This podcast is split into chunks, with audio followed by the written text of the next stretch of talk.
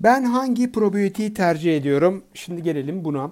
Öncelikle probiyotik tercihini yapacağımda tabii ki rahatsızlıklarıma göre bu değişiyor ama normal yaşamımda sağlıklı kalabilmek ve sağlıklı bir bağırsak dengesini sağlayabilmek, zayıf kalabilmek için özellikle probiyotik kullanıyorum.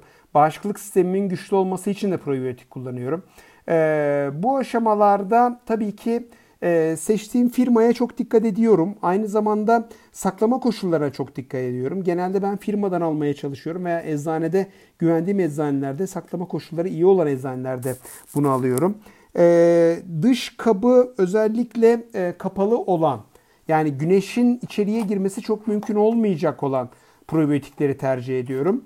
Ee, yani kapsül formları olursa da eğer normal bir e, kabın içerisinde ise çok fazla tercih ettiğim bir şey değil.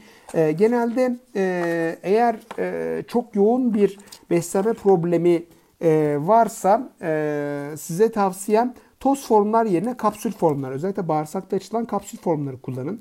Ama eğer çok ciddi bir sorunuz yoksa, mideyle ilgili özellikle problemleriniz varsa da e, o zaman e, toz formu kullanabilirsiniz rahatlıkla.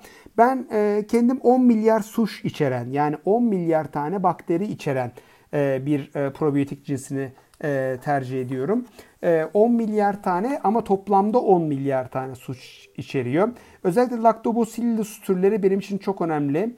E, çünkü hem e, yoğurdu çok fazla yiyen hem de peyniri çok fazla yiyen birisiyim. Onun için Lactobacillus türlerini çok fazla e, kullanıyorum. Lactobacillus içerisinde de Rhamnusus, Plantaorum, Bulgaris, Brevis, Rotary gibi ajanları kullanıyorum ve bunlardan günlük e, 1 milyar e, suş e, almaya çalışıyorum mutlaka.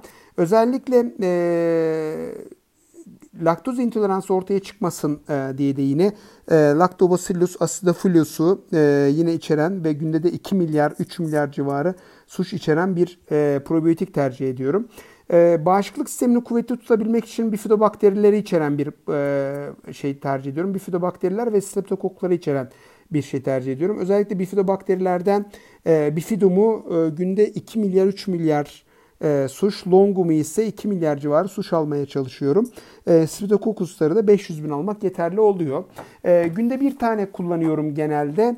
E, özellikle e, yemek yedikten sabah yemeğinden sonra 10 gibi almaya çalışıyorum. E, ve aldıktan sonra da bir, bir saat boyunca hiçbir şey yiyip içmiyorum. Sadece su içiyorum e, bunların üzerine. E, probiyotik kullandığım aşamalarda e, yine çok dikkat ettiğim e, konulardan birisi e, açıkçası e, bu probiyotik kullanma süresi. Normalde ben e, iki, en az 2 ay ama 3 ayı geçmeyecek şekilde kullanıyorum. Daha sonra 3 ile 6 ay ara veriyorum. Yani sürekli yıllarca kullanmak çok doğru bir şey değil. E, su formları tercih etmemeye çalışıyorum.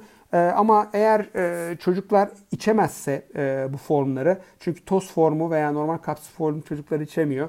E, toz formu da e, bazen suyun içine kattığınızda çok fazla tatlar hoşuna gitmiyor. Su formlarını içerebilirsiniz. En azından hiç yoktan iyidir. Ama bağışıklık sistemini kuvvetlendirmek istiyorsanız da alma miktarına dikkat edeceksiniz. Ben genelde dediğim gibi kapalı kutu içerisindeki toz formu tercih ediyorum. Bu çok daha fazla e, dikkat çekiyor.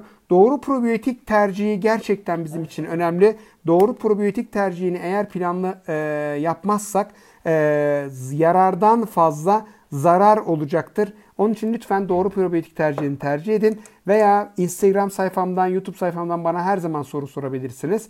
Ee, buradan da hangi probiyotiği kullanmanız gerektiğini e, hepsini detaylı olarak size anlatır ve yardımcı olmaya çalışırım. E, hepinize sağlıklı günler.